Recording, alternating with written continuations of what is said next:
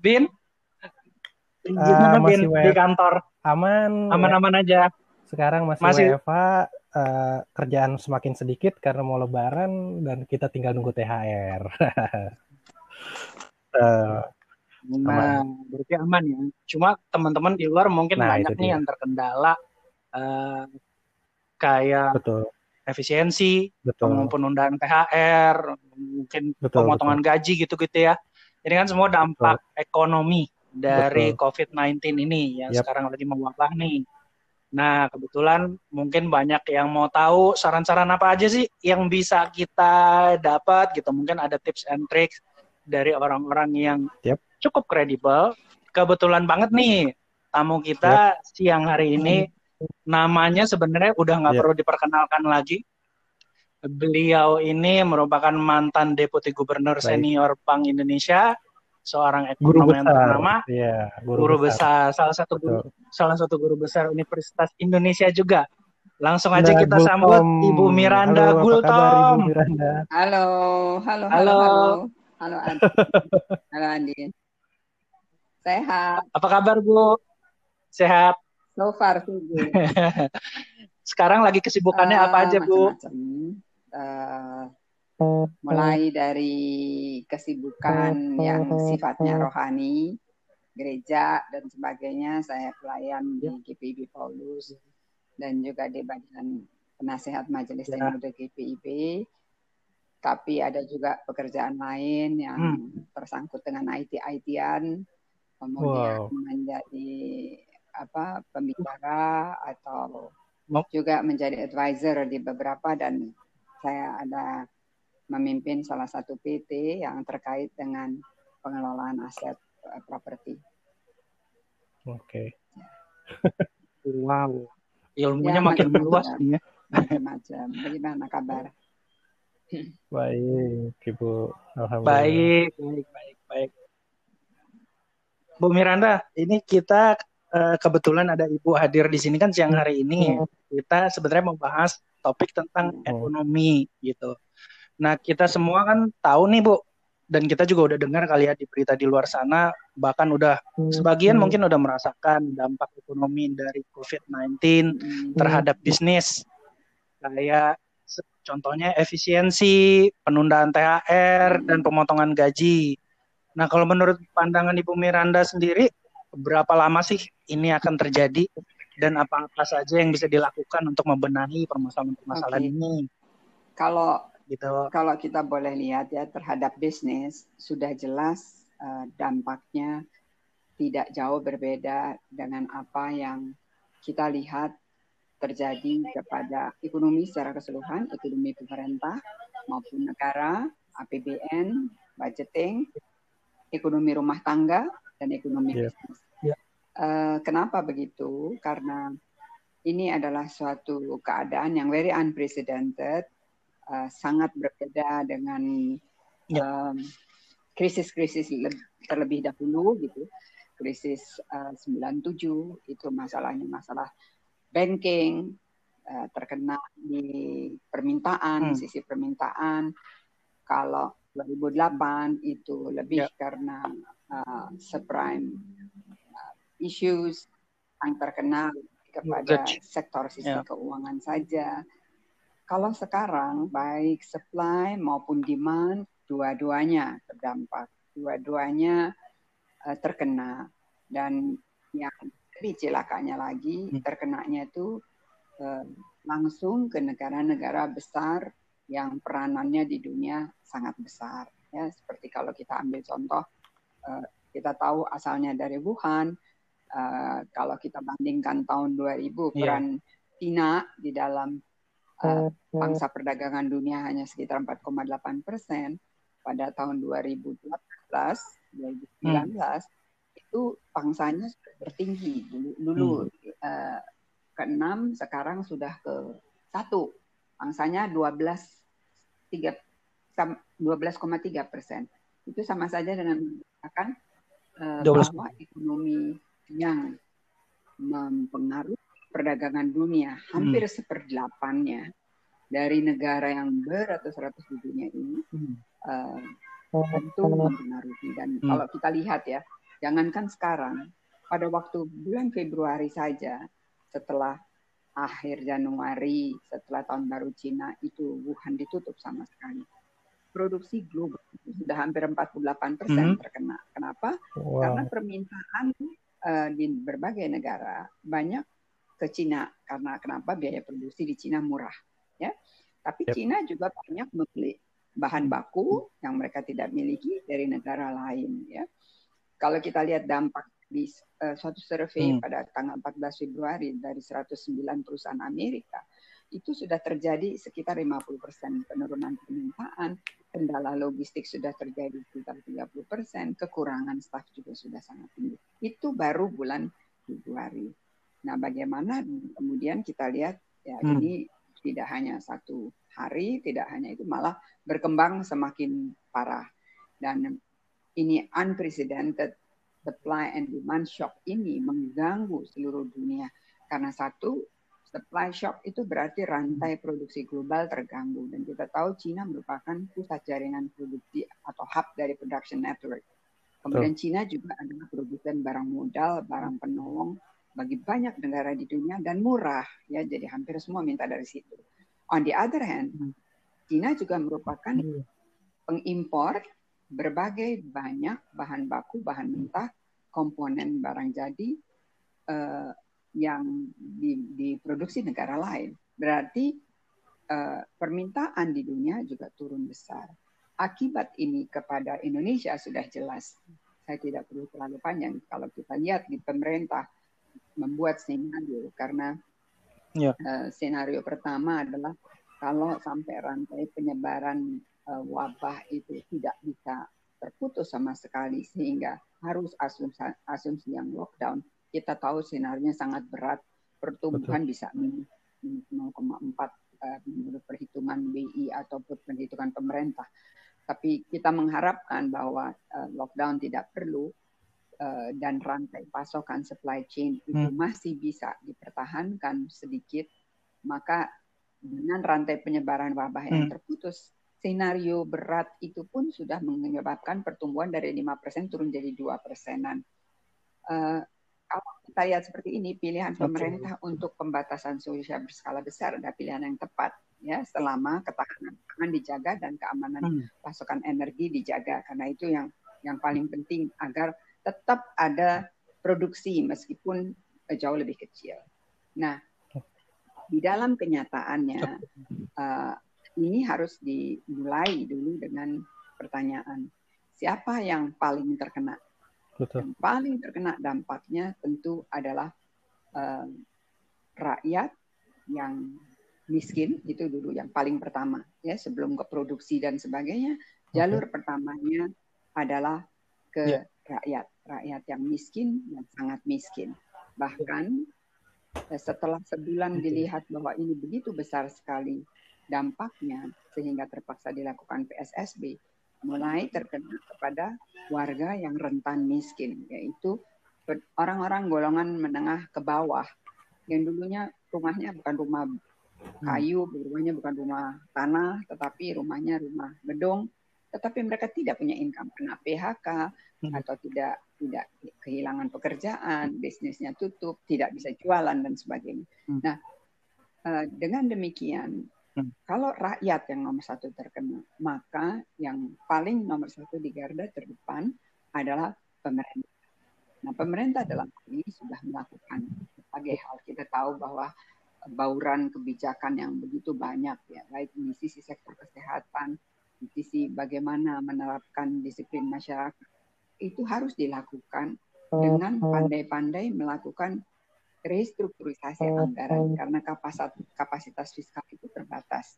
Kita tahu undang-undang hanya mengandalkan defisit 3 persen. Hmm, Sedangkan sekarang tiba-tiba harus membagi-bagi uang, harus ada dana tunai yang dibagi kepada orang yang tidak mampu, harus ada tambahan uh, berbagai uh, apa kegiatan. Bagaimana caranya? Nah, kita saya balik pertanyaannya, jangan lihat dulu dari bisnis, tapi lihat dulu dari supaya bisnis dan ekonomi rumah tangga juga bisa melihat contoh ini. Bahwa yang dilakukan pemerintah adalah mengkat semua anggaran-anggaran yang tidak akan terpakai dan tidak perlu terpakai.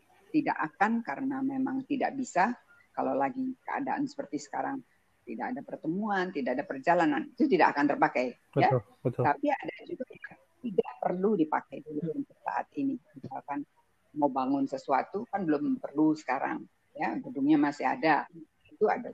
Nah, hmm. ini semua adalah anggaran-anggaran yang sisir-sisir, tetapi masih kurang. Akibatnya pemerintah harus melakukan apa? Pinjaman-pinjaman. Pemerintah dalam hal ini dapat melakukan pinjaman uh, dua sisi, luar negeri atau ke dalam negeri dan luar negeri bisa bilateral, bisa ya. juga multilateral. Tetapi sekarang ini pemerintah karena dalam posisi yang baik bisa meminjam dari pasar dengan mengeluarkan obligasi. Kemarin ini sudah dikeluarkan obligasi. Nah, ke dalam negeri juga bisa ya, dilakukan. Tetapi bedanya kalau ke dalam negeri pemerintah menjual obligasi begitu saja. Ada dua hal yang terkena.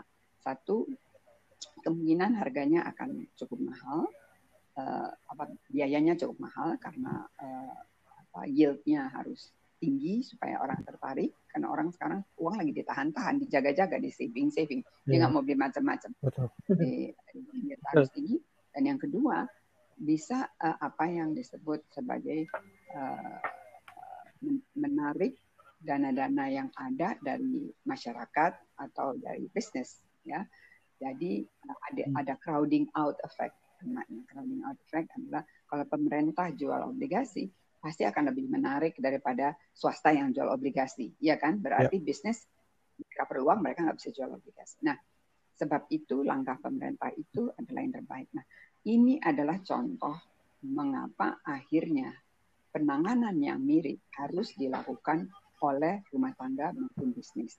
Pemerintah juga membagi misalkan fokusnya kepada periode pertama seperti apa, periode kedua seperti apa. Di periode pertama kebijakannya kebijakan lebih jangka pendek, kebijakan mendesak ya.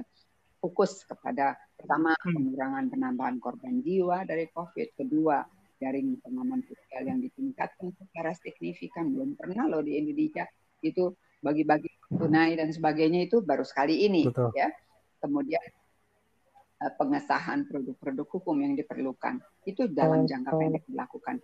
Makanya keluar perpu. Karena kalau tidak ada produk hukum seperti itu bisa rentan nantinya, bisa disalah-salahin belakangannya. Ya, jadi ini adalah yang sudah hmm. dilakukan.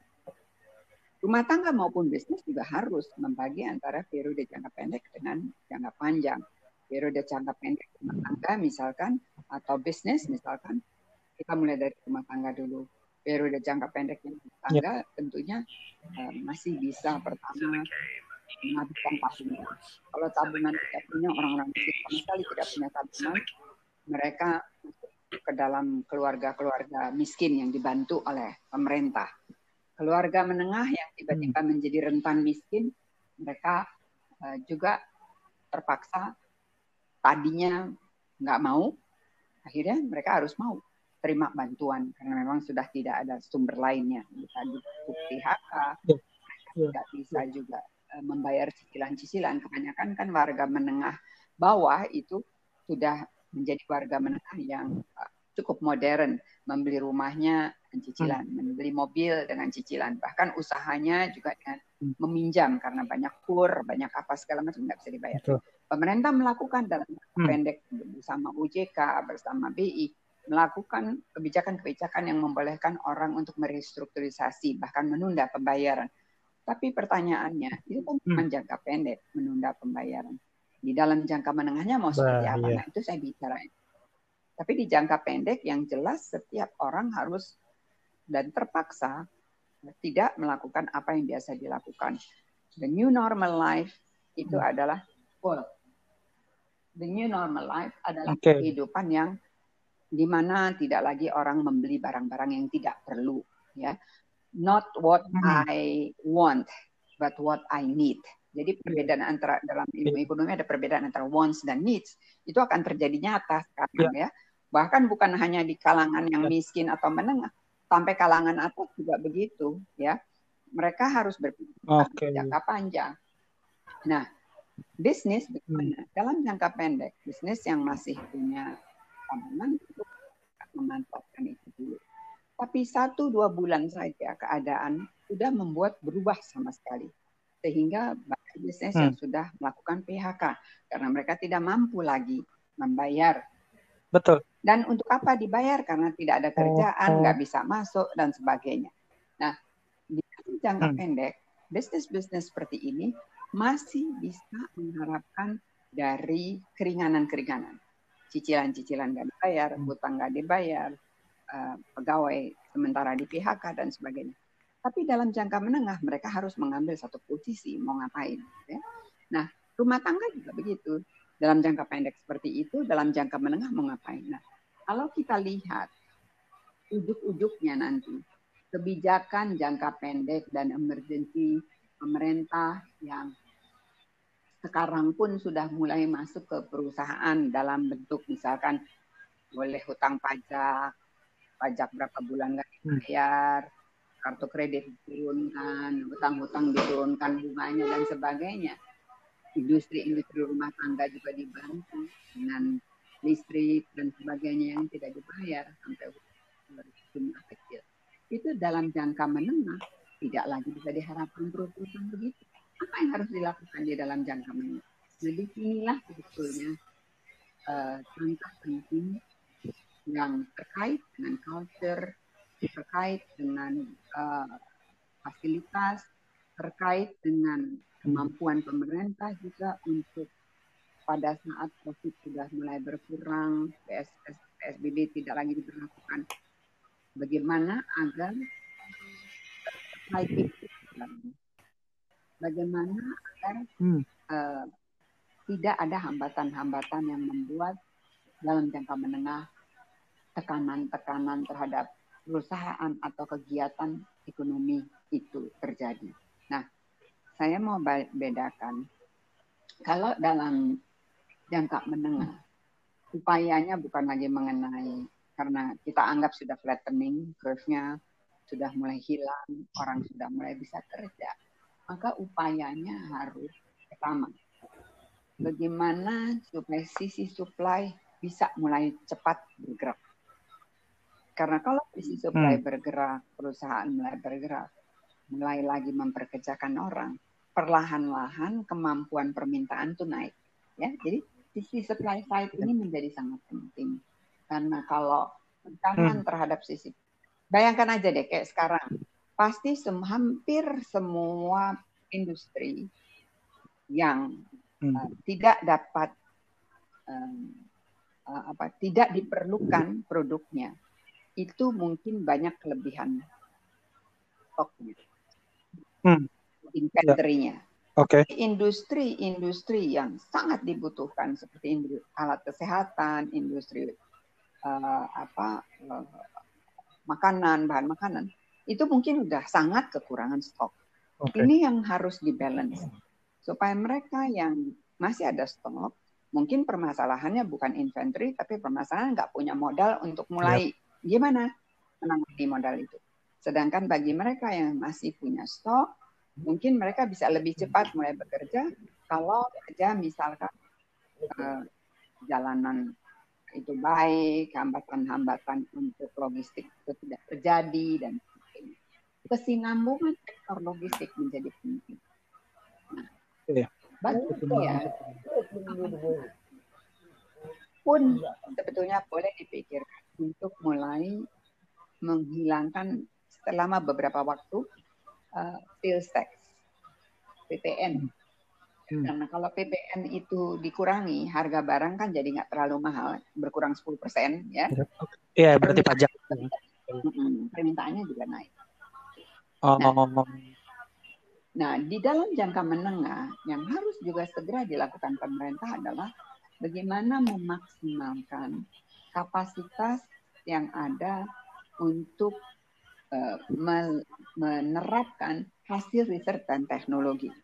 Saya ambil contoh ya misalkan sekarang nih gara-gara COVID ini yang namanya uh, jamu-jamu um, semua yang herbal menjadi in. Semua orang merasa wah ini salah satu dan itu bisa menjadi gaya hidup ke depannya. Iya, iya. Ya. Perlu gaya berjam-jam. Ya. Iya, perlu riset yang mendalam agar ya. nanti jamu-jamu ini bisa mendunia seperti halnya semua jamu-jamuan Cina, jamu-jamuan Korea, itu kan juga sudah mendunia. Orang hmm. sekarang kalau sakit nggak bisa sembuh lukanya, dia beli obat Cina dan sebagainya. It's not dokter, it's not apa, tapi orang percaya itu akan sembuh. Gitu. Bersyukurlah itu okay. itu dalam jangka tengah ya. Jadi uh, agak beda memang dampak dalam jangka pendek. Yang jelas ekonomi akan turun besar. Hampir semua orang kesulitan likuiditas. Hampir semua orang akan belanja yang perlu saja. Bukan keinginan, bukan wants, tetapi needs. Oke, kalau kemarin di tamu kita di minggu sebelumnya ini kita bicara juga tentang hukum. Salah satu contohnya PHK itu ini mungkin kalau dijumlah dengan yang belum didata itu ada sekitar total 15 juta. Waktu itu dia menjadi narasumber di CNN. Uh, eh, nah, sedangkan sekarang ini kan kita uh, sudah menunggu semua lapisan ya sampai yang rentan miskin pun juga kita katakan gitu. Orang-orang yang punya cicilan KPR dan lain-lain ya. sekarang yang di kelas menengah pun udah merasakan gitu impactnya. Ya. Nah, ini kan pemerintah membuat kebijakan yang saya tahu yang saya tahu mau mulai secara bertahap adanya pelonggaran PSBB ini. Nah, dampaknya ini kira-kira pelonggaran PSBB ini seperti apa sih Bu Miranda? Ah, mungkin ada sedikit bayangan gitu. Ya, kelonggaran PSBB ini membuat berbagai aktivitas ekonomi terjadi. Ya. ya. Kita bisa katakan bahwa ya selama ini tetap aja orang bisa belanja ada online dan sebagainya. Tapi tentu beda dengan kalau masih bisa lebih bebas, ya. Sama ya. saja dengan aktivitas produksi. Ya, selama ini masih bisa berproduksi. Tetapi kalau diharuskan bahwa yang masuk hanya boleh setengah atau seperempat dan sebagainya, ya produksinya juga nggak nggak banyak gitu ya. Sementara itu kita perlu mempertimbangkan paling tidak dua hal yang penting. Satu, pertama ya. adalah dalam jangka pendek bagaimana agar pilihan kebijakan misalkan seperti program-program untuk membantu pakai program keluarga harapan bantuan program pangan non tunai, bahkan unconditional cash transfer itu bisa membuat orang-orang uh, memanfaatkan waktunya untuk meningkatkan kualitas diri. Hmm. Jadi uh, berada di rumah tidak seharusnya membuat seseorang merasa bahwa ini akan berjalan terus. Jelas nggak bisa berjalan terus seperti itu. Atau kalaupun mereka tetap memilih untuk nggak memajukan dirinya, maka yang akan terjadi adalah begitu ekonomi terbuka lagi, mereka nggak di rehire karena tidak punya kemampuan yang sesuai dengan kebutuhan. Nah, iya. ini penting sekali untuk melihat apakah program yang akan dilakukan pemerintah atau bahkan bisnis, nggak usah harus selalu pemerintah ya, bisnis juga bisa terhadap pegawai-pegawai yang dirumahkan untuk meningkatkan kemampuan mereka. Karena kemungkinan besar pasca COVID-19 ini akan banyak sekali terjadi pergeseran. Pertama, pergeseran sektor.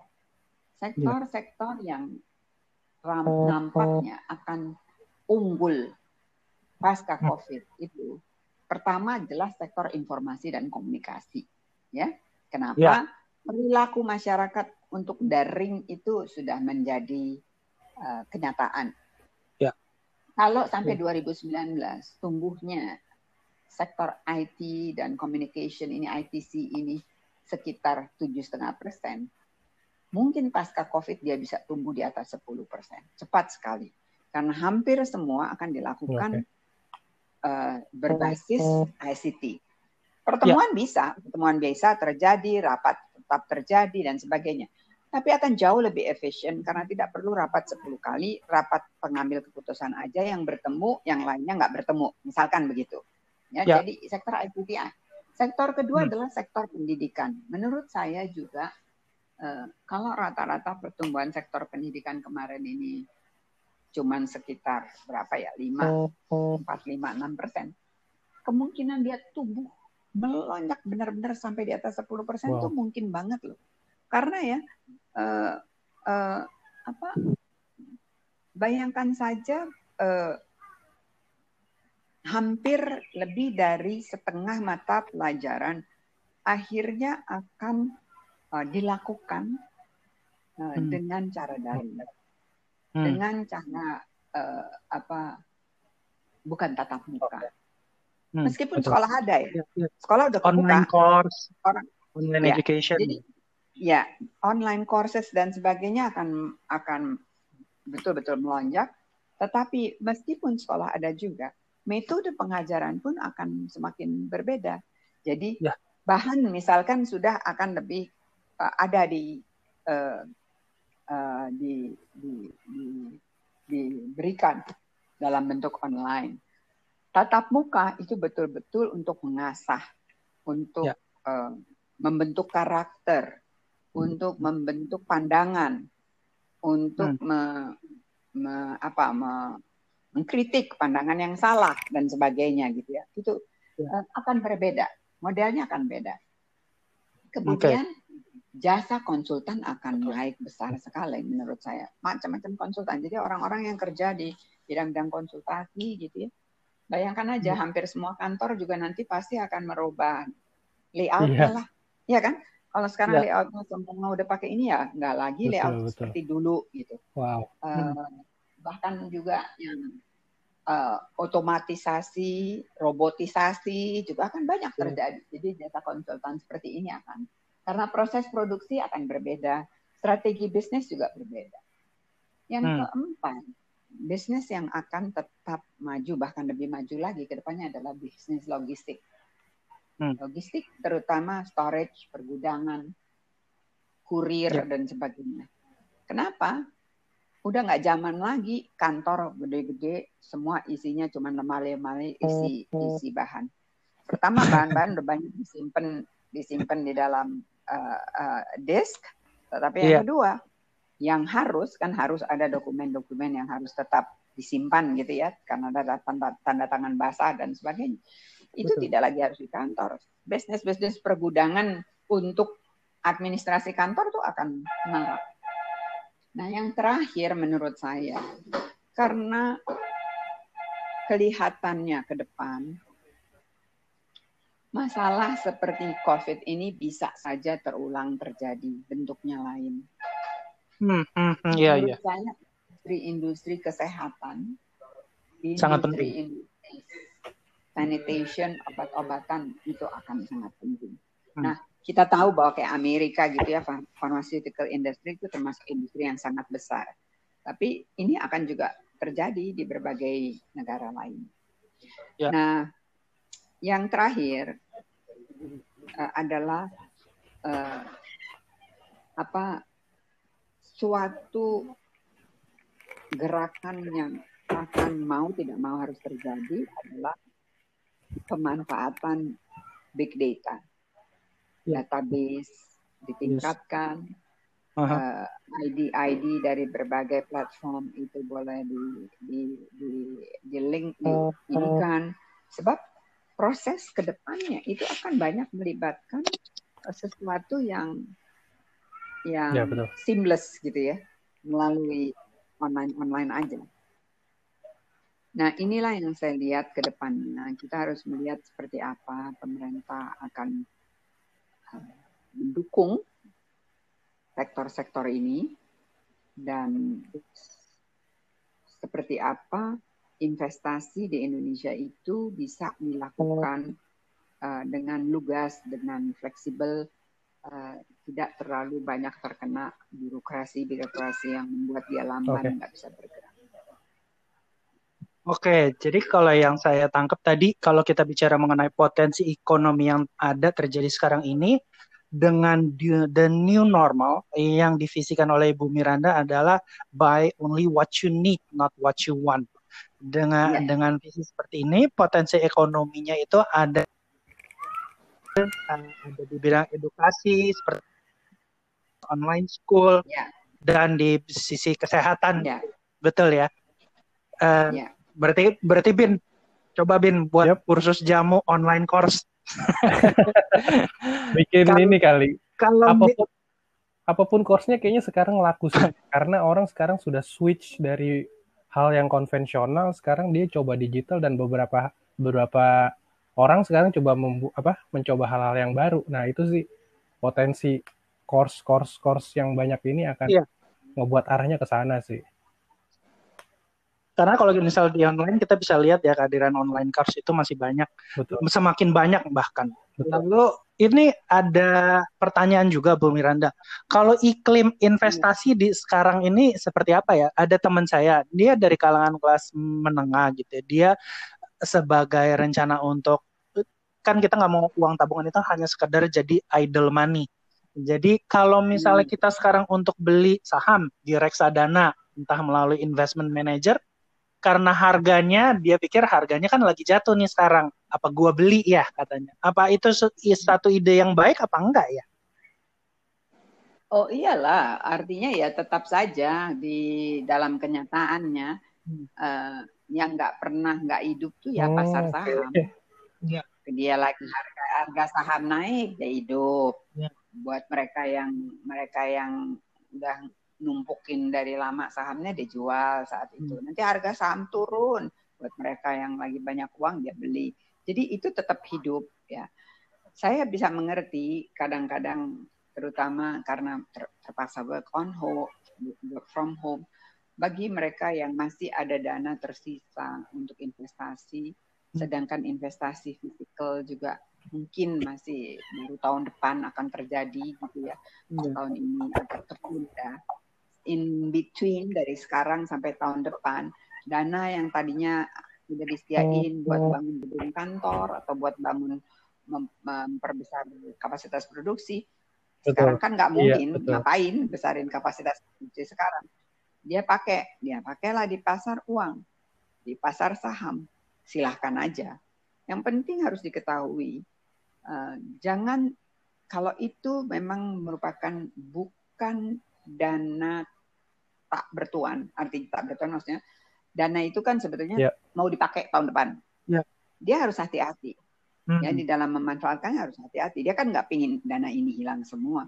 Karena Betul. kita tahu di pasar saham itu yieldnya bisa tinggi, yield yang tinggi itu risikonya juga tinggi yeah. gitu. Yeah. Ya. Mm-hmm. Uh, uh, kecuali dia punya dana yang nganggur yang memang tidak ada maksud apa-apa uh, dia punya dana sisa lagi untuk tahun depan bangun pabrik masih ada uang dia masih sisa ya dia mau ambil risiko seperti berjudi ya terserah aja ya karena hilang pun itu tidak akan nggak boleh tuh kata rumah Irama berjudi ya. tapi kalau cuma cukup cukup makan ya hati-hatilah okay. iya betul betul jadi perhitungannya juga harus benar lah gitu oke ya. oke oke eh, iya.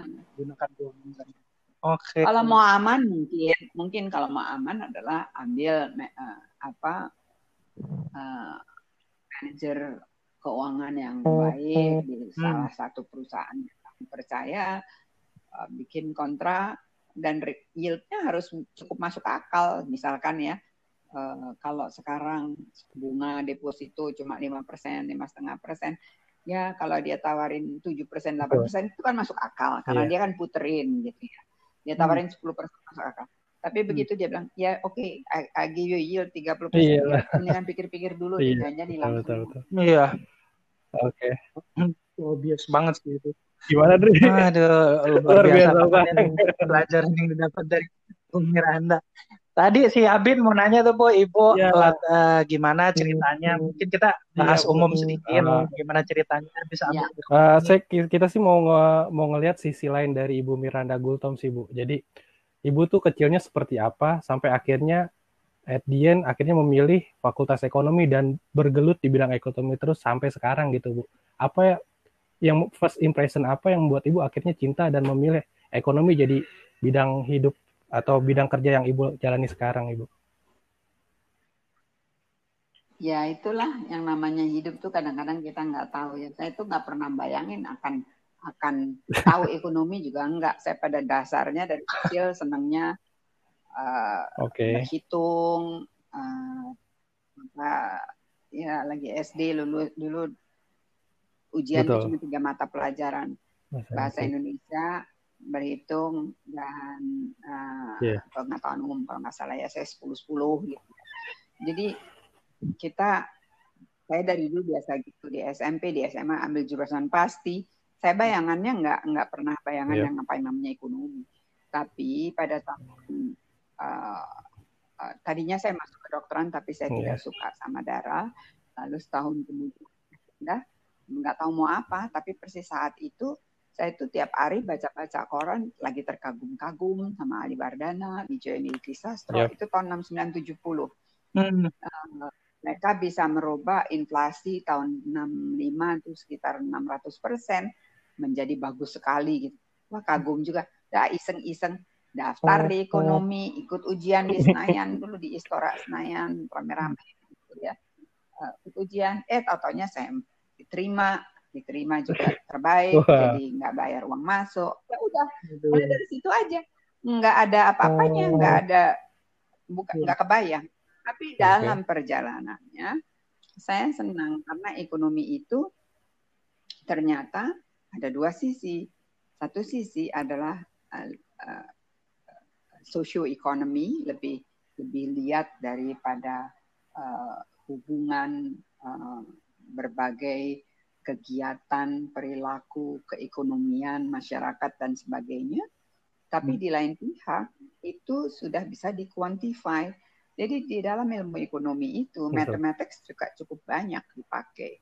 Nah, itu hmm. saya jadi suka, suka ya udahlah sampai sekarang. Sampai sekarang pencapaiannya luar biasa ya, bisa dibuat novel itu kayaknya saking uh, panjang. Ibu Miranda sendiri di luar bidang ekonomi sebenarnya lebih tertarik ke apalagi sih Bu kayak musik apa Ibu suka dengerin musik juga? Atau nonton film ya, juga? sama musik gimana Bu? Musik sama seni sekali. Saya saya saking sukanya musik tuh dari dulu. Gimana, lucu ya kadang-kadangnya sesuatu yang dipaksa iya, memang nggak bagus. Lagi kecil saya dari berapa okay. tahun dia tuh udah les piano. Hmm. dipaksa sama ibu saya lesnya tuh di Yayasan Pendidikan Musik kayak sekolahan benar seminggu tiga kali. Dua kali teori eh, dua kali praktek satu kali teori. Dan gurunya galak-galak ada guru Belanda guru apa. Uh, saya saya nggak begitu suka tadinya. Terpaksa. Uh. suka sih musik tapi terpaksa. Uh. Uh, tetapi dan ibu saya dari kecil itu memang senang senang ibu saya orangnya seneng barang-barang seni di rumah tuh banyak patung lah, lukisan lah, apa dia berpakaian juga yeah. sangat berseni, kalau pilih barang juga sangat berseni, pilih furniture sangat berseni. Jadi saya kenal barang-barang kesenian dari situ, uh, suka nari-nari juga, saya suka sekali dansa dan sebagainya dari kecil, seneng balet, seneng apa okay. tari-tarian. Tapi dalam perjalanan uh, seni dan musik itu okay. sangat memperkaya saya. Misalkan ya dari musik saya belajar mengenai gimana seorang pemimpin itu okay. harus seperti dirigen. Dirigen dari satu orkestra. Pemain ada kurang lebih hampir 15 macam uh, apa uh, alat musik. Hmm. Uh, setiap pemain alat musik juga okay. kemampuannya berbeda-beda. Hmm dan harus keluar dalam satu bentuk suara yang yang yang utuh gitu. Yeah. Itu pemimpin seperti di situ saya belajar banyak. Dirigenlah yang menentukan musik yang sama, pemain yang sama akan keluar lebih bagus atau okay. lebih jelek. Ya, jadi okay. pemainnya sama ya. Oh, yeah. uh, piecesnya sama Beethoven konserto nomor berapa atau apa nomor berapa itu simfoni nomor berapa Hmm. Bisa keluar beda karena konduktornya beda. Nah, di situ saya belajar banyak. Nah, kalau seni itu saya banyak lebih belajar dari sisi seni is very fluid gitu, yeah, very yeah. apa ya, very flowing, yeah. flowing, berjalan, berubah. Seorang seniman nggak pernah pernah nggak kamu lihat pelukis dari mulai A dia melukis sampai dia meninggal, lukisannya sama uh, ininya. Yeah genrenya gitu ya sama enggak enggak. uh, betul. enggak pasti berubah. Mau siapa juga pasti berubah-ubah It's very lugas dan banyak sekali tergantung sama mood, banyak sekali tergantung sama keadaan, banyak sekali tergantung sama situasi dan sebagainya. Nah, dua-duanya ini sangat mempengaruhi saya karena demikianlah saya akhirnya jadi bisa misalkan masuk ke mana-mana aja. Waktu saya saya lama sekali ada di Fakultas Ekonomi, hmm. 10 tahun. Baru dari tahun 70 sampai tahun 92, baru 93 lah saya uh, mulai bekerja di luar dari hmm. Fakultas Ekonomi. Hmm. Uh, waktu saya diminta ke kantor Menko Ekuasbank. Lalu 97 saya ke Bank Indonesia. Itu masuk ke kantor Menko Ekuasbank maupun masuk ke yeah, Bank betul. Indonesia. Saya bukan orang dari situ kan. Bukan orang itu langsung masuk di atas, langsung dipercaya, langsung pegang hal-hal yang penting. It's not easy. Akan banyak yang merasa threatened, yang terancam, akan banyak juga yang mungkin tidak hmm. percaya gitu. Nah, untuk itu makanya saya percaya bahwa seorang pemimpin itu harus menguasai dengan baik sampai detail okay. semua bidangnya supaya uh, pertama anak buah merasa aman karena uh, apa yang mereka bikin mereka tahu hmm. ada mesin nggak dilepas hmm. itu saja tapi yang kedua kita uh, mendapat respect dari anak buah karena uh, mereka tahu mereka harus berbuat sebagus mungkin because otherwise akan dikritik atau di ada konsekuensinya lah ya diberi ya. diberi okay. konsekuensi nah, itulah itu tiga bidang yang saya senang ekonomi saya senang art sama musik uh, dulu uh, saya waduh komik baca gimana ceritanya tuh Oh, wow. suling emas lah, sinjau hiaplu, macam. Pokoknya oh. di situ saya banyak belajar, banyak mengenai filosofi hmm. hidup. Karena buku buku silat itu yang banyak terlihat adalah uh, filosofi dari hidup, sisi kejujuran, di, dibuat secara ini antara yang jujur hmm. yang jahat, kemudian sisi kehormatan, penghormatan, uh, kerja keras dan sebagainya. Itu banyak. Jadi saya suka banget baca-baca cerita silat. Sekarang lagi mau mulai lagi nih karena sekarang iya, betul. ke ini bisa di iya, betul. bisa baca gitu. Tapi yang menarik dari gua hantu kok. Tapi yang menarik lagi nih. Tapi yang lebih menarik lagi. Iya. Halo? Oh, kalau si Buta dari Gua Hantu oh, iya. juga bagus loh itu silat Indonesia. Kalau saya lebih banyak oh, silat. Oke, seru, seru, seru. Oke, oke. Jagat Bumi Langit berarti ya, genrenya Bumi Randa ya. Ada yang iya. yang terakhir nih mau tanya, ini kan Ibu ke dari si COVID ini kan dampaknya kalau saya nggak salah ini kan Ibu ada bikin satu inisiasi ya inisiasi kegiatan lah itu yang namanya kita peduli hmm. itu untuk bantu-bantu orang-orang yang terdampak COVID. Boleh cerita Bu sedikit mengenai itu? Ya begini, uh, uh, pada saat terjadi COVID ini, berdasarkan pengalaman saya dari tahun 97, 2008 dan hmm. seterusnya, saya yakin benar bahwa ada perlu suatu uh, penanggap yang lugas yang dapat cepat uh, memutuskan, dapat cepat bergerak, uh, tetapi tidak menabrak-nabrak aturan. Di dalam birokrasi, kelambanan is niscaya, keniscayaan. Jadi mau tidak mau ya karena peraturan hmm. banyak, birokrasi juga biasanya besar, struktur juga panjang, jalur panjang. Pasti untuk melakukan sesuatu itu hmm, itulah sebabnya kalau ada seperti gini banyak yang membuat grup tanggap tanggap darurat lah segala macam, satgas lah segala macam ya. Uh, dan saya melihat bahwa uh, nah kebetulan saya orang Kristen, hmm. saya uh, warga jemaat di satu gereja, saya melihat bahwa ya uh, seperti di gereja saya itu ada ada komisi yang menangani seperti ini, ada crisis center, ada segala macam. Tapi tetap jalurnya itu panjang karena ada yang hal-hal yang harus apalagi kalau perubahan anggaran dan sebagainya kan harus diputuskan melalui jalur yang ada supaya tidak melanggar aturan. Nggak ada yang salah di situ.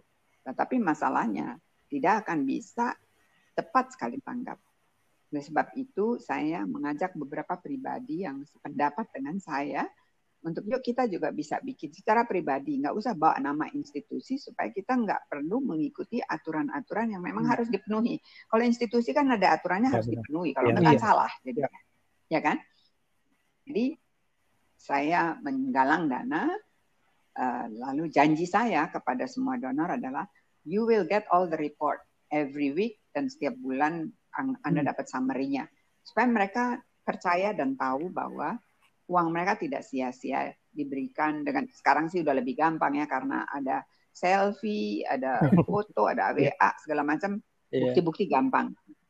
Uh, dan itu saya lakukan uh, yang akhirnya juga uh, berdampak cukup besar karena uh, bantuan pemerintah misalkan sudah dicanangkan dari bulan awal hmm. April sampai pertengahan April belum keluar gitu. Kenapa? Ya lama kan, mesti begini, mesti begini. Kalau enggak kan enggak ada yang berani. Kalau enggak hmm. keluar dulu bentuk-bentuk produk, hukumnya, aturannya, siapa-siapa, datanya seperti apa. Sedangkan kita bisa karena lebih lugas ya, tidak punya tanggung jawab seperti itu. Melihat aja, oh di jalanan ada orang nggak punya kasih. Ini pemerintah kan nggak hmm. bisa begitu. Ya dia harus ikutin aturan Gereja juga secara aturan gereja nggak bisa begitu, dia harus ikuti aturan dulu, bikin buku, penelitian dan sebagainya. Kita bisa lebih cepat. Nah itu yang membuat saya membuat ini dan dibantu oleh berbagai relawan.